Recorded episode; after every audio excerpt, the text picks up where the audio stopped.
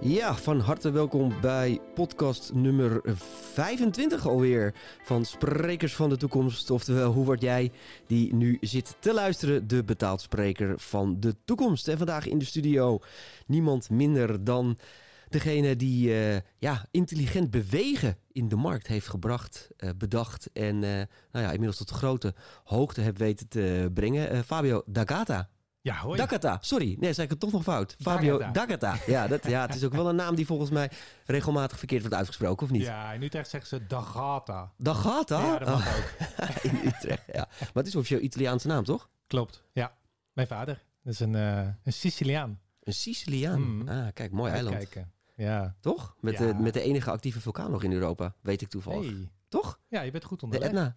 Ja. Nou, ik ben er een keer geweest toevallig. Dus. En toen was hij aan het, eh kwam er rook uit. Dus dat vond ik heel indrukwekkend. Ja, ik heb nog nooit gezien, een actieve vulkaan. nou, we zitten alweer lekker on topic. eh, dus Ja. dat is eh, helemaal mooi. Fabio, fijn dat je er bent. Ik zei het al, jij bent ja, de initiatiefnemer van, van het begrip intelligent bewegen. Nou ga ik ervan uit dat inmiddels iedereen weet wat het betekent. Maar stel nou dat er iemand, hè, stel nou dat er één iemand zit te luisteren en denkt, god, wat is intelligent bewegen dan precies? Zou jij ons daar eens wat over kunnen vertellen? Ja, intelligent bewegen gaat over lichaamsbeweging voor persoonlijke groei. Dus niet eh, voor de spierballen, niet voor de snelste tijd, eh, niet voor je gezondheid, maar om als mens een groei door te maken. Daar denk ik elke dag over na. Precies. Oké, dus, dus, dus mensen komen met, met een, eigenlijk een probleem of een vraagstuk Vaak bij jou. komen ze met een klacht of een probleem eh, en die proberen we zo snel mogelijk om te draaien naar een, naar een wens, naar een verlangen. Ja, Waar wil, je, waar wil je dan naartoe? En wat ontbreekt er dan op dit moment? ja. En als we dat te pakken krijgen, de, de, de vaardigheden die ontbreken, dan gaan we daarmee aan de slag tijdens het bewegen. En, en, en, en, noem daar eens een voorbeeld van. Wat, ga, wat, wat, wat sta je dan te doen uiteindelijk met iemand? Ja, nee, eh, ja, we zijn in beweging, maar wat we doen zijn eh, oefeningen die bepaald gedrag eh, naar boven laten halen. Hè? Ja. Dus eh, ehm, stel, je bent iemand die wil eh, ehm, assertiever worden, dan zorgen wij er in de oefeningen voor dat jij onder druk komt te staan en dan gaan wij kijken hoe je reageert. Ja, precies. Dus, dus, dus het is niet prestatiegericht. Hè? Dus Nee. we zijn niet bezig met inderdaad de snelste tijd en ik moet de sterkste worden of de grootste. Met dat soort doelstellingen. Komen mensen wel eens met dat soort doelstellingen? Nou, in het begin wel. Ja, ja dus dan eh, die kon ik mooi doorsturen naar, eh, naar de Ja, fitness. eh, naar de sportschool op de hoek. Ja, ja, tuurlijk. Er zijn er genoeg van. Ja, Maar eh, als je even doorvraagt naar de waarom, dan eh, kom je vaak op hele mooie verhalen. En eh, ja, als je dat kunt koppelen aan persoonlijke groei, dan ben je wel op het juiste adres bij ons. maar vraagstukken als ik, ik ben onzeker of ik wil een volgende stap maken in mijn carrière. Of ik merk dat ik tegen bepaalde patronen aanloop. Dat Ja. zijn dingen waar je mee aan de slag gaat. Nou, dan heb je dus al een eerste stap gezet. Dus dan heb je al nagedacht over je patronen. Dan heb je al nagedacht over de volgende stap in je leven. Ja, dat is makkelijker instappen. Ja, precies. Hey, en hoe ben je op dit concept eh, gekomen? Nou, ik, ik kom zelf uit de sportwereld. Dus ik heb eigenlijk alles geleerd over eh, eh, trainingsmethoden. Wat voor sport heb je gedaan? Ja, welke niet? Ik, ik heb het SEALS gedaan en, daar moet je zo ongeveer alles doen. Ja, Van precies. zwemmen tot turnen tot eh, eh, hockey. Frisbeeën, dat is ook een sport. Heb ik ook Oh gedaan. ja, frisbee. hè? Nou, ja, dat is wel kick Ja, hoor. ik moet zeggen, ik kan er echt helemaal niks van. Ik heb wel eens op het strand geprobeerd. Nee, dat is echt wel gaaf. Want je kan die frisbee op allerlei manieren werpen. Maar, is het een ehm, officiële Olympische sport ja, ook? ja, je moet ervoor... Ja, Olympisch volgens mij... Nee. Oké, maar er zijn wel wedstrijden. nee. Dat soort ja, ja, dat zijn hele getrainde mensen die dat heel goed kunnen. En is het dan de bedoeling bij... is het dan de bedoeling dat je tegen een verstander hem vangt of dat hij hem juist niet vangt? Nou, het lijkt een beetje op rugby. Dus t- je moet naar een teamgenoot gooien. Oh ja. En die moet hem uit de lucht Oh, zien die te manier. vissen Ja, ja, Oké. Het is niet één op één, zeg maar, zoals je het op het Nee, strand nee, doet. nee, nee, nee. Het is echt een teamsport. Ja, heel cool. Nee, dus ik heb heel veel sporten Ja. gedaan en heel veel daarover geleerd. Maar wat ik leerde was van een tennisser een nog betere tennisser maken. Oh ja. Hè? Of eh, eh, nou ja, alle spieren in, in het Latijn leren. En wel boeiend, maar toen ik zelf op een gegeven moment in het leven op, me- op een punt kwam dat ik het lastig had en dat ik een goede moest doormaken, had ik er niet zoveel aan. Nee. Nee. Dus ik ging nadenken van, hé, hey, hoe kan ik er wel iets aan hebben? Ja. En ik had het geluk dat ik in een tijd eh, leefde waarin er heel veel bekend werd over het brein en neurologen dingen gingen zeggen. En ja, er heel veel kennis eh, eh, voor mijn neus werd gegeven. Ehm, waardoor ik koppelingen kon maken met het brein, met het gevoelsleven en alle kennis over sport en beweging die ik had. En toen dacht ik, ik ga het ding eens anders doen. En toen kwam intelligent bewegen in Bam. je, in je, in je hoofd die. opzetten. Nou, ik dacht wel van. ehm, ik, ik had last van angsten in die tijd en paniekaanvallen. Ja. En dat was voor mij wel, Hoe oud was je toen? ja, 23. Oké. Ja, ja, en ik was fit en ik was blij en er was eigenlijk niks om over te klagen. Maar ik had enorme eh, paniekaanvallen en ehm, ja, toen was mijn leven op een gegeven moment heel, heel duister en heel donker. Eh gitzwart. En ehm, Je kwam er niet uit. ik kwam er niet uit. cirkel, Ik kwam er niet uit. Maar ik wist wel dat als ik ging bewegen, dat ik wel weer even kon lachen. Of dat ik, ik ging me net iets beter voelen. Dus ik dacht, ja, ik moet wel blijven bewegen. Maar niet om de beste te zijn. Niet om doelpunten te maken. Niet om de snelste tijd te lopen, maar om mezelf te leren kennen. Nou, en zo is het heel langzamerhand begonnen bij mezelf. Van wat moet ik dan anders doen? Ja, want als je dan terugkijkt, hè, want dat vind ik wel interessant. Want je zegt, god, ik had last van paniekaanvallen, ik had last van, van angsten. Eh, nou ja, daar zit altijd wat achter. Hè. Dat is niet Mhm. iets op zichzelf staand concept. Dat, dat komt vaak ergens uit, uit voort. Stel nou dat je jezelf nu eh, in je traject zou krijgen. Hè. Hoe zou je dat dan met intelligent bewegen oplossen? Ja, of, of, dus, of, of verder helpen?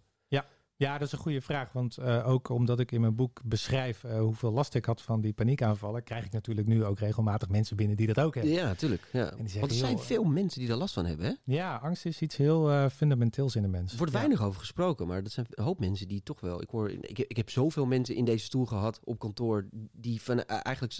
eh, nou ja, ook het, het vak in zijn gerold vanuit eh, een angstpatroon. Mm. Dus het, het verbaast me best wel veel. Veel ma- jonge mannen tussen de 20 en de 30 hebben last van, van paniekaanvallen. Ja, ik hoor er ook. Nou, ik, ik hoor er denk ik meer dan gemiddeld, omdat ze natuurlijk op mijn pad komen. ja. Maar het is wel iets wat, wat, eh, wat heel menselijk is en wat dus blijkbaar gewoon eh, kan gebeuren. Ja. En ehm, ja, in mijn geval ben ik gewoon zo vaak over mijn grenzen heen gegaan en heb ik zo slecht naar mijn lichaam geluisterd. En eigenlijk alleen maar trainingsmethoden toegepast en, en doorgezet. En vooral als ik het zwaar had, nog, nog meer doorzetten. Ja. Dat is een beetje de cultuur in de sport, hè? Niet naar jezelf luisteren, maar Ja. gewoon doorgaan. Ja, want ik heb niet op mijn opleiding geluisterd hoe ik naar mijn lichaam kan luisteren. Of wat dat überhaupt is. Nou, toevallig ook niet eh, van mijn ouders of andere mensen. Dus ik heb zelf ja, een beetje moeten ontdekken hoe dat bij mij werkte. Ehm, en dat ging heel goed tijdens het bewegen. Omdat dat toch quality time is met je lijf. Eh, je hebt geen koptelefoon op, althans dat raad ik af. Maar als ik een potje ga tennissen, dan eh, heb ik niks op mijn oren. Nee. Ik heb geen telefoon in de buurt. Ik ben er in beweging met mijn lichaam. En dat maar dan een- niet bewegen om te winnen. Hè? Want, Nee. als je, want als je, eh, kan, ik kan me zo voorstellen, zit ik nu zo, terwijl je zit te praten, te denken dat als je dan gaat bewegen omdat je de snelste ronde wil lopen of de beste tennisser wil zijn, dan zit je eigenlijk alleen maar weer dat, dat, dat systeem te faciliteren. Ja, dus ik moest er eigenlijk in, aan de andere kant van het spectrum te gaan denken. Precies. Dus alleen maar bewegen juist om iets te laten groeien in plaats van jezelf nog meer te beperken. Ja, ja je gaat bewegen eh, met, een heel ander eh, eh, huiswerk dat je hebt gedaan. Precies, ja. En dan moet je wel een beetje kunnen loslaten wat betreft het winnen en de competitiedrang. En, eh, eh, want daar is eh, sport wel op geënt. hè.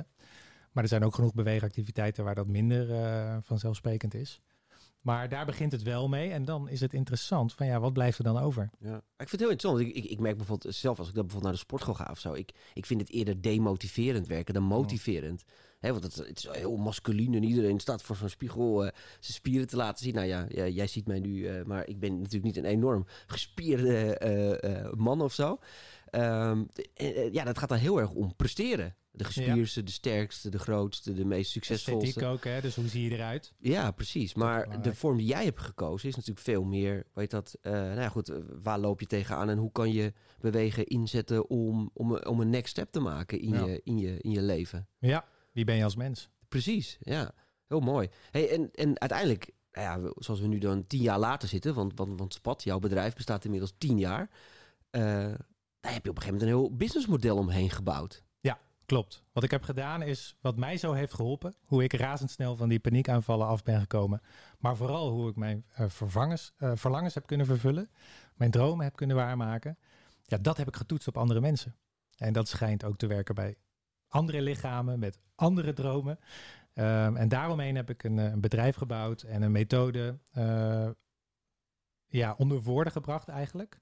Met eh, in, in retro-perspectief bekeken van wat heb ik nou precies gedaan? Hoe zit dat in elkaar? Wat zeggen neurologen daarover? Ehm, en hoe kunnen we dat wetenschappelijk onderbouwen? En eh, ja, nu zijn we tien jaar verder en nu staat het gewoon als een huis. Ja, en dat, en dat dat vind ik dan altijd zo mooi van ondernemers. Dan, dan ben je dan tien jaar later en dan noem je even in zo'n zin van ja, toen hebben we een beetje dit, een beetje dat gedaan. Maar dat moet een waanzinnig proces geweest zijn. Ja, Want je, want je loopt ergens tegenaan, je, je vindt voor jezelf een soort van oplossing en denk je, oké, dit wil ik eigenlijk gaan eh, verkondigen, ik zeg maar even wat, dan andere mensen. En dan moet je een heel model gaan bouwen. En dan moet je onderzoek gaan doen. Want het moet, moet dan ook wel ergens op gefundeerd, uh, gefundeerd zijn, kan me zo voorstellen. Ja. Totdat je dan tien jaar verder bent en weet ik veel hoeveel trainers aan het werk hebt. Voordat je daar bent. Het moet een enorme reis geweest zijn. Ja, dat is een enorme reis. En uh, met vallen en opstaan. En, um... Mooie woordspeling, met vallen en opstaan. ja, dat is ook een tak van sporten. Nee, maar dat, dat, is, dat is heel goed uh, gelopen. En uh, wat mij vooral verbaasd is, um, nou niet verbaasd, maar waar ik vooral heel blij mee ben, is dat mensen hier ook op zitten te wachten. Dus er zijn mensen die interesse hebben in ja, uh, lichaamsbeweging inzetten als middel om, om een persoonlijke groei door te maken. Ja. En dat vind ik mooi. Hè? En vooral na, na het uitbrengen van mijn boek Intelligent Bewegen is dat geëxplodeerd. Dus die verkoopt nog steeds hartstikke goed, omdat mensen die willen het weten van hoe zit dat dan? Want er zijn heel veel mensen die zijn dat, dat competitie ook een beetje beu. Of die, zoeken, die vinden het leuk, maar die zoeken ook een andere smaak. Ja, de naam is ook heel, is ook heel uh, goed gekozen. Want ik, veel mensen vertel ik natuurlijk over intelligent bewegen. En de eerste vraag is huh? wat, wat is intelligent bewegen dan? Mm. Weet je, het, het, het, het nieuwsgierigheid. Ja, het, wekt gelijk zijn nieuwsgierigheid op bij mensen. Maar wat ik leuk vind om van jou te horen, uh, ik hoop dat je daar ons een klein beetje over in mee kan nemen. Want er luisteren natuurlijk veel ook uh, beginnende sprekers naar deze podcast. Trainers, mensen die uh, nou ja, bepaalde filosofie over iets hebben ontwikkeld in hun hoofd, maar nog niet precies weten hoe ze het dan ook moeten omzetten in een uh, verdienmodel. En uiteindelijk is jou dat gelukt. Kan je kort een beetje, ja, heb je wat tips en tricks als je zo terugkijkt op je afgelopen tien jaar, dat je denkt van oké, ik had uiteindelijk een idee en dit zijn dan de stappen die je moet zetten om dat dan commercieel te maken? Nou ja, in eerste instantie resultaat boeken. Dus ik heb, ik, heb, uh, gezor ik heb ervoor gezorgd dat wat bij mij werkt ook bij andere mensen werkt. En dat heb ik onder woorden gebracht. En dat vind ik het belangrijkste bewijs dat iets werkt. Oké, okay, dus je bent op een gegeven moment een aantal mensen het gaan testen. Ja, van joh, hey, ik heb dit nou bedacht, ja, werkt dit ook voor jou? Ja. En um, ik doe het op mijn manier als je dat goed vindt. En uh, nou, helemaal uitgelegd en, en dat werkte. En um, om dat woorden te geven en om dat te communiceren naar buiten toe, dat vind ik het aller, allersterkst wat er is. Alleen, ja, er zijn zoveel mooie ideeën en zoveel dingen die werken. Zoveel die, die methodes. Ja, ja, maar ook gewoon, ja, die ook floppen. Dus je moet ook ergens goed nadenken over je positie in de markt. En uh, ik heb gewoon heel duidelijk gekozen voor, voor de mens en voor persoonlijke groei. En dus eigenlijk een beetje schop ik een klein beetje tegen, tegen de fitnesscentra aan. En tegen uh, de, de topsporters. Ja. Van joh, jeetje, ja, uh, ik denk er anders over. En ik heb iets anders. En die confrontatie aangaan op een respectvolle manier, dat, uh, dat geeft jou ook een heel duidelijk imago en een heel duidelijk, een hele duidelijk, duidelijke plek in de markt. Wat eigenlijk ook pure marketing, is. wat je natuurlijk ook gewoon gedaan hebt. He, hoe, hoe ga je een soort van gat in de markt zoeken, ja. waar je volledig op, uh, op gaat inzetten. Ja. Waardoor je misschien wel heel erg tegen heilige huisjes gaat aantrappen. Ja, uh, ja, met respect. Hè. Dus uh, um, ik heb ook met een meelezer van mijn eerste boek, die zei ook van, joh Fabio, dit stuk, dat, daar ga je wel heel hard uh, met gestrekt been erin. Dat kan wel iets met iets meer respect. Dus dat heb ik echt herschreven.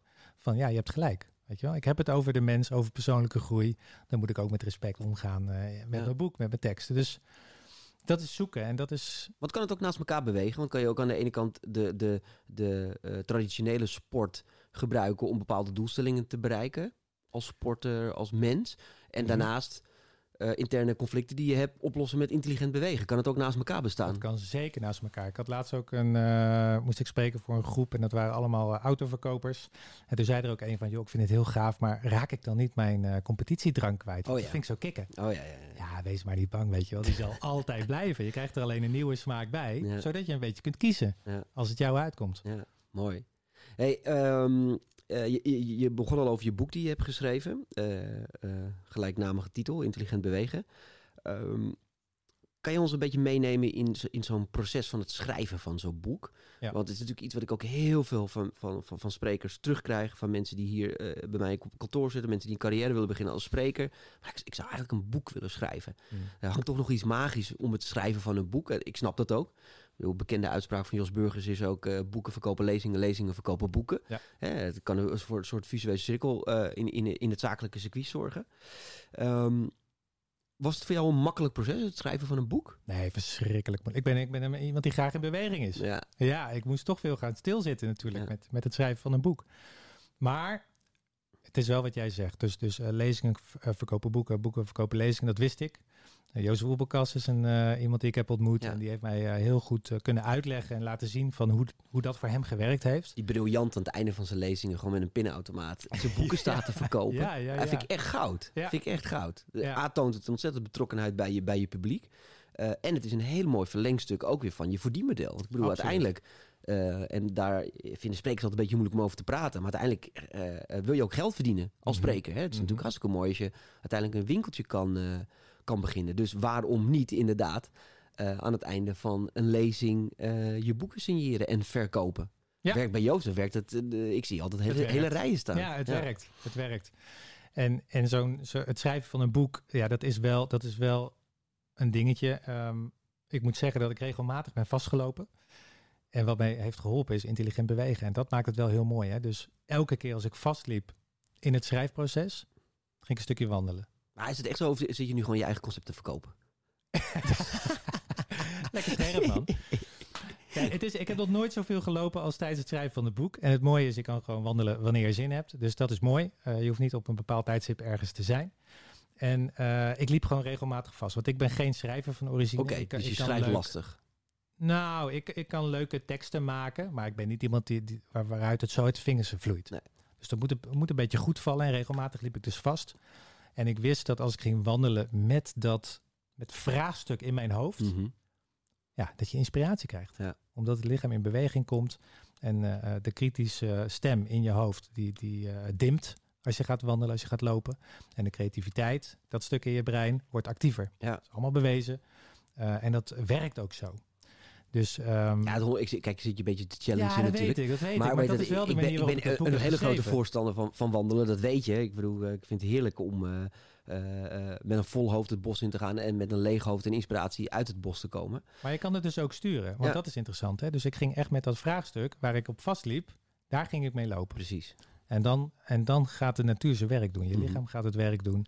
En dan kun je ingevingen krijgen en ideeën krijgen die, je, die ik nooit op de bureaustoel had kunnen krijgen. En dan ga je weer zitten en dan... En dan ga ik weer zitten en dan ga ik door. Ja, ja. Mooi. Hoe lang ben je uiteindelijk bezig geweest met het schrijven van je boek? 20 maanden. Zo.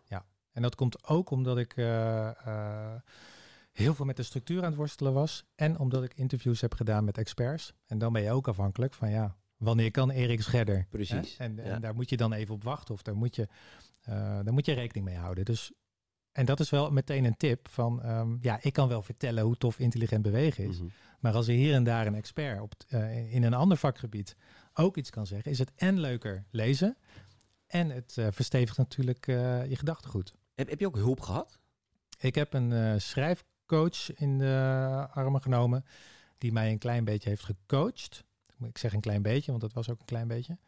Maar En, eh, ehm, in, in, in, in eh, schrijftechnieken of Nee, meer in eh, een stukje redactie of zo? Of- Ja, nee, ik stuurde de stukken op en eh, hij ehm, ga- gaf comments. Ah ja, oké. Ja, dus, dus dat was wel prettig, want dan weet je gewoon dat iemand even mee zit te kijken.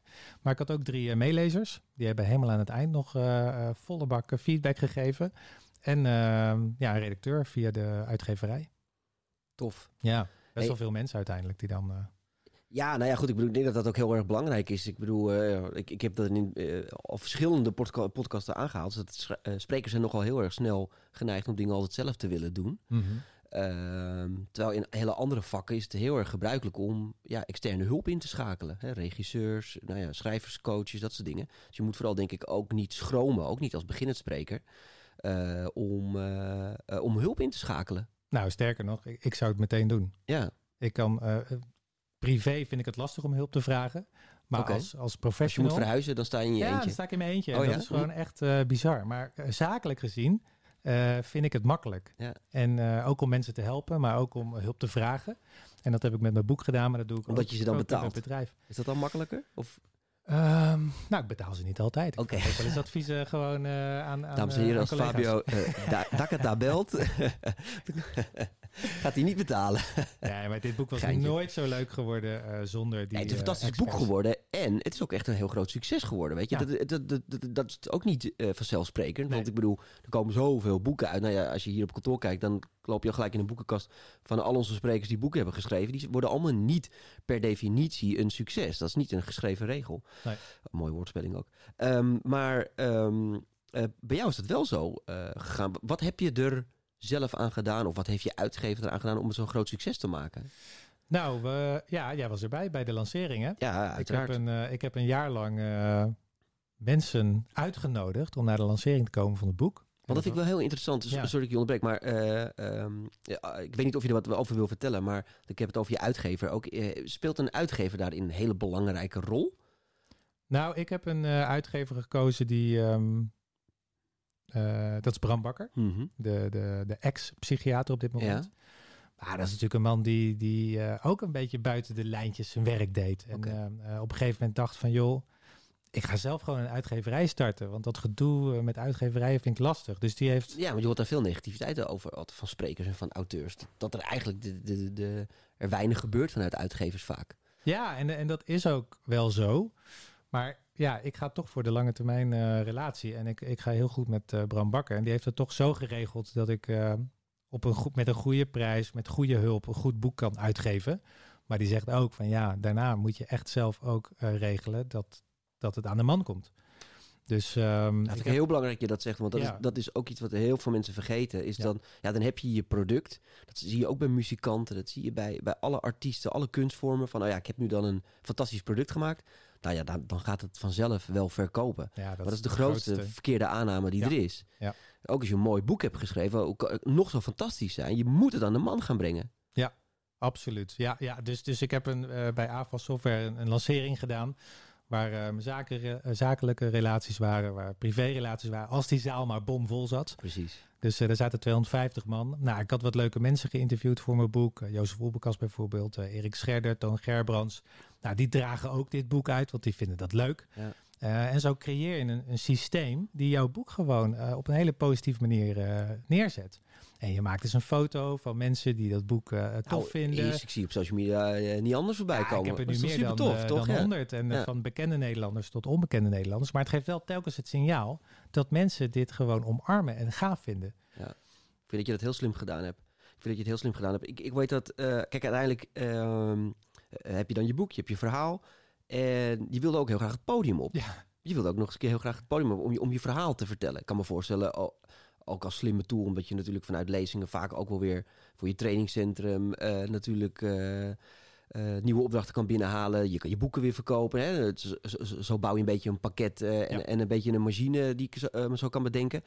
Eh, wat was voor jou het, ehm, het moeilijkste om dat podium op te klimmen? Ja, de start. Want ik, ja, de start dat iemand vertrouwen in mij had om mij een keer ergens neer te zetten. Ja, Nou, dat ben jij geweest. kijk, mooi. En- Daar wilde ik een beetje naartoe werken. Nee, Nee, helemaal, daar wilde je Nee, helemaal niet naartoe. Maar dat is wel de, de werkelijkheid. En eh, zo heb je mensen nodig. Maar ik bedoel, je had je, had, je, angst om dat podium op te stappen? Want ik, kijk, ik ben bij jouw eerste lezing geweest. Dat was bij Business on Stage, Ja. toch? Ja. Eh, in het De La Mar Theater, waar je gelijk ook even voor 600 man Mhm. eh, je, je verhaal moest gaan vertellen, Ja. mocht gaan vertellen. Hoe heb je dat ervaren? Ik heb dat heel goed voorbereid. Ik heb heel goed geoefend. Ehm, en ik heb wel mijn hele leven lang wat moeite gehad om echt te presenteren voor een groep. Ehm, maar ik moet ook zeggen dat het, dat het heel goed ging daar. Ja, En dat ik me ontspannen voelde, omdat ik een goed verhaal heb en, en, en, weet wat ik wil zeggen. maar gaf de Ehm, goede voorbereiding je dan bijvoorbeeld de ja. rust om daar in rust op het podium te staan? Of? Ja, ja, en het vertrouwen van jou en eh, van eh, Bas van der Veld, die daar ook een eh, rol in speelde die avond. Mensen die, die het in me zien zitten, dat geeft ook rust. En ehm, ja, ook omdat je het heel graag wilt, is het ook natuurlijk wel kicken dat het dan lukt. Ja. Dus dat geeft weer wat adrenaline. Maar ik denk de voorbereiding en het oefenen, dat dat, dat, dat de rust geeft op het podium zelf. Ja. Ja, en jij gaat, ook nog, jij gaat ook nog wel eens heel actief met de zaal aan de slag. Is bij jou niet Nou, stilzitten en nee, luisteren. Nee, nee. En ik, ik moet ook wel zeggen dat ik soms wat eh, zelfvertrouwen haal uit kijken naar anderen. Omdat ja, toch veel sprekers soms er wel wat meer uit kunnen halen dan dat ze doen. Oké, dus je kijkt naar andere sprekers Ja. en dan denk je van, nou, dat is eigenlijk een gemiste kans. Ja, ik vind het vaak wat. eh, Kunnen we een voorbeeld wat aanhalen? Kunnen we wat Ja, namen durf noemen? Ik, eh, Of- echt niet te doen. eh. Ik probeer altijd deze podcast mensen zover te krijgen om namen te noemen, maar niemand doet ja, het. nee, moet je een beetje respect hebben. Kijk, Het is heel persoonlijk wat je leuk vindt en wat je niet leuk vindt. Maar veel sprekers die, die, die spreken. En, eh, eh, en, en de zaal blijft zitten. Ja. En dat is al één ding waarvan ik denk, ja, dat is gewoon helemaal niet eh, leuk. Jij laat ze opstaan en je Ja, laat ze er moet bewegen. wel een experience in zitten. Er moet, er moet, er moet beweging in zitten. Helemaal als je luistert naar intelligent bewegen. ondervind Dus- je daar in de praktijk ook wel eens nadelige gevolgen? Want vinden groepen het ook wel eens lastig? Nou, op het moment. Op het moment dat je de opdracht geeft om te gaan staan. Ja, dan zie je soms wat fronsende. wat Shannon natuurlijk in de zaal. denk, Ja. shit, Ja, man, daar heb ik helemaal geen zin in, Ah, weet je. wel. Gaan we weer. Ik kom hier om, te- om te kijken en te chillen. Maar als dan de opdracht leuk is en je leert er uiteindelijk ook nog iets van en je hebt een nieuw inzicht, ja, dan, dan ontstaat er wel een sfeer in de zaal die, eh die is gaaf. En sowieso in beweging komen zorgt dat er gelukstofjes vrijkomen. En dat geeft een Ja. hele leuke dynamiek aan, aan de hele sessie. Jij, jij, jij zegt, ik, ik kijk naar andere sprekers. Kijk je ook wel eens naar je eigen lezingen? Kijk je terug? Ja. Film je het? Ja, ja zeker. Waar ja, let en ik laat op? mij ook feedback geven door, eh, door mijn regisseur. Ah, oké. Ja, dus je dus hebt ook een, eh, echt een regisseur in handen genomen. Wauw. Ja. Wat zijn dan dingen die die zegt? Nou, eh, waar we de, het laatste jaar enorm op hebben gezeten, is de structuur van de, van de, van de lezing. Dus hoe komt dat nou het beste binnen bij de Ja. kijker, bij de luisteraar? Je hebt een verhaal, je wil het graag vertellen, maar komt dat ook over? Ja, en wanneer komt het nou in iemands hart en wanneer in iemands hoofd? Weet je wel, want ik wil, ik wil raken. Ehm, en ik vind persoonlijk dat eh cabaretiers daar onwijs goed in zijn. Ja. Ja, die kunnen je laten lachen en een, een seconde later dan schiet het de tranen in je ogen of van iets wat je ontroert. En zij, ja, ik kijk het meest naar cabaretiers. Ja. Oké. Dus eigenlijk probeer je een beetje Hoe theater dan te brengen in je, in je, in je lezing. Ja, ja ik probeer, ik Wat heel probeer goed is, hè, mensen want te raken. Dat zou iedereen moeten doen, want het is een kunstvorm. En als je mensen wil raken, wil inspireren, moet Ja. je op heel veel lagen moet je ze natuurlijk ra- gaan raken in, ja, een, eh, in een verhaal. ja, en dat is moeilijk. En dat is zo'n kunst eh, ehm, dat ik dat heel graag afkijk van dat soort mensen. Ja. Ja. Eh, wat is, want inmiddels sta je een paar jaar al op het podium. Wat, wat is zeg maar het groei, de groei die je hebt doorgemaakt de afgelopen jaren? Waar ben je sterker in geworden? Waar ben je, ben je beter in geworden? Ik ben beter geworden in ehm, rustig mijn verhaal doen. Oké. Dus rustiger praten, meer stiltes laten vallen. Ik ben beter geworden in de structuur van het verhaal, ook met behulp van dan eh, mijn regisseur. Maar die heeft mij echt geleerd van, joh, als je het helemaal anders gooit, dan komt het nog lekkerder binnen. Kan je En die dat wat echt- concreter maken ja. of niet? Want, eh, want ik, ik snap wat je Ja. bedoelt, maar Ja. misschien voor de luisteraars... eh, Dat is een heel interessant proces. Hè? Hoe tip. maak je nou je verhaal sterker? Een goed verhaal begint met een belofte. Dus ik beloof aan het begin van, de, van mijn gesprek, voordat ik mezelf voorstel, bij wijze van spreken, jij gaat nu leren hoe je lichaamsbeweging in kunt zetten om je dromen waar te maken. Oké. Dat je al denkt van, hè, die twee dingen, die heb ik nooit bij elkaar bedacht. Precies. Ehm, en dan hebben de kijkers of de luisteraars, die hebben iets waar ze zich een uur aan kunnen vasthouden. Van ik ga leren hoe ik straks kan Ik sporten blijf voor mijn puntje dromen. van mijn stoel, want ik ga dit... eh, ja, en eh, misschien eh, als ik afdwaal of er gebeurt iets, dan weten ze nog steeds van ik ga straks... Die belofte die, die moet ingewilligd worden. Dus dat is één. En verder wat ik doe in mijn verhaal is dat ik zelf eh, de leidraad ben in dat uur. Laten we zeggen dat het een uur is. Dat je een uur lang eigenlijk mijn persoonlijke verhaal stapje voor stapje volgt. En dat verhalen van anderen, dat ik die af en toe beknopt van A tot Z tussendoor vertel. Dus dan krijg je eigenlijk mijn verhaal, daar kun je ook aan vasthouden eigenlijk het hele uur. Maar soms krijg je ook al gewoon oplossingen en voorbeelden en onderbouwing wetenschappelijk. En een oefening tussendoor dat je het zelf in één keer ervaart. En als je dat slim als een puzzeltje in elkaar legt, ja, dan val je van de ene bijzondere moment in de andere. En de ene keer is het rationeel, van zo, dat onderzoek dat, legt in één keer bloot eh, hoe dat eh, keihard in cijfers is. En dan in één keer eh, kan je weer iets moois vertellen van een militair die we hebben geholpen, eh, wat, wat weer ontroerend is. Nou, en die, ja, dat, dat verhaal, als dat goed in elkaar zit, dan kun je heel boeiend een uur lang een lezing houden. S- Schrijf jij je tekst ook volledig uit? Of werk je met, met bullet points bijvoorbeeld? Ja, ik vind dat heel interessant, Ja. hè? Want hier wordt niet veel over gesproken. Maar, nou ja, ik te zou weinig. verklappen, Ja. ik zou even verklappen dat, dat ehm, eh, wat ik eh, afgelopen jaar heb gedaan, is alles eh, uitgeschreven. Ja. En dat heb ik, opge heb ik ingesproken, dat heb ik opgenomen, heb ik op mijn koptelefoon, ben ik gaan wandelen. Intelligent bewegen weer. Dus dan ben ik gaan wandelen. Maar je kan ook fietsen of joggen, wat je fijn vindt. Maar je brein neemt dat verhaal heel goed op. En als je dat een paar keer terugluistert, dan kun je het bijna dromen. Ja. Nou, daar word je rustig van hoor. Als je dan voor, En je eh, hoort ook weer verbeteringen, je kan me zo voorstellen. Ja, je kan ja, het weer een stukje verbeteren. Je denkt, oh, die grap die valt goed. Of eh, dat onderzoek, dat, dat snapt niemand als je het zo zegt. Ja, en zo word je slimmer. Maar ja, goed, ja, je moet Ik wel hele goede tips. luisteren. Ik vind het hele goede tips, want die wordt eh, eigenlijk te weinig over gesproken. Want iedereen neemt dit altijd een soort van vanzelfsprekend aan of zo. Maar dat is het niet altijd. En het is voor best wel veel sprekers ook best wel lastig om naar zichzelf te luisteren en zichzelf terug te zien. Het is vaak heel confronterend. Vind Want je moet daarna ook weer aan het werk. hè, want je komt altijd achter dingen die je niet of nog beter kan doen, laat ik het zo zeggen. Eh, en dat is voor heel veel sprekers best wel confronterend. Want ik merk dat er ook heel veel sprekers zijn. En vooral sprekers die al een tijdje meedraaien. En die een bepaald succes hebben. eh, ehm, eh, hebben ehm, dat die ook wel een beetje lui worden. Want ze doen een dingetje en ze worden toch wel terugge- teruggevraagd. En het is, het is oké en ze krijgen altijd een 7. Dus vinden ze prima. Eh, maar jezelf blijven challengen en jezelf blijven uitdagen. Daar zit ook wel een stukje, hoe heet dat, eh, nou ja, terugkijken in. Van, wat doe ik nou eigenlijk? Wat sta ik daar nou te doen? Hoe, hoe kan het beter? Feedbackvraag vanuit de zaal. Doe je dat ook bijvoorbeeld? Ja, er zijn eh, bedrijven die dat al eh, vanuit zichzelf doen. Dus dan krijg ik een mooi rapportje Oh achteraf. Ja. Maar eh, ja, ik heb dan mijn regisseur ingezet. En eh, ik vraag sowieso altijd aan de opdrachtgever wat hij ervan vond. Ja, en, en er wordt veel opgenomen. Hè? Dus als je het eh, online doet of soms hybride, dan heb je ook gewoon de beelden. Dus er is eigenlijk heel veel mogelijkheid tot, tot feedback. En feedback is toch wel waar, waar een mens heel hard op ontwikkelt. Ja. Ja, maar-. Want je hebt het nu even over online. Maar jij hebt natuurlijk in de, eh, gedurende de coronacrisis... heb jij ook een heel online programma eh, ontwikkeld. Mhm. Hoe, eh, hoe is dat zo ontstaan? Ja, dat is natuurlijk door, eh, vanwege corona natuurlijk. Ja, Ja, maar goed. Ja, Verrassing. Ja, verrassing. Maar weet dat, eh, eh, het is best wel heel intensief. Nou, vertel er eens even wat over, want het is best een mooi programma geworden. En op welk programma doe je? Nou, je hebt toch een heel online eh, academy eh, eh, Ah, gecreëerd? Ja, ja. Ja, Nee, ja, we hebben met, eh, met Spat veranderd mijn bedrijf een hele academy opgezet online. Ehm, ik heb ook online eh, eh, kunnen spreken, gelukkig eh, hier en daar. Ehm, dus, dus het was de kunst om gewoon heel snel te schakelen en, en een studio te maken in onze werkplek. En heel snel vaardigheden leren om, om online ook iets tofs eh, te kunnen bieden. Maar dan heb je eh, video's waarin jij zichtbaar bent en Ja. eh, gewoon eigenlijk de basisprincipes van het intelligent bewegen uitlegt? Of, of oefeningen doet? Of wat doe je uiteindelijk? In de Academy, ja. In Ja. de Academy leren we de, de methode aan. En met name aan professionals. Dus als je een coach of zorgprofessional bent, dan kun je de methode leren via onze online Academy. En daar leer je ja, hoe je moet denken, welke methodes, of ja, welke, eh, ehm, eh, hoe heet dat, welke modellen je kan toepassen. Eh, de ontwikkeldriehoek die we gebruiken, eh, hoe je oefeningen kunt ontwerpen, hoe je, hoe je moet coachen.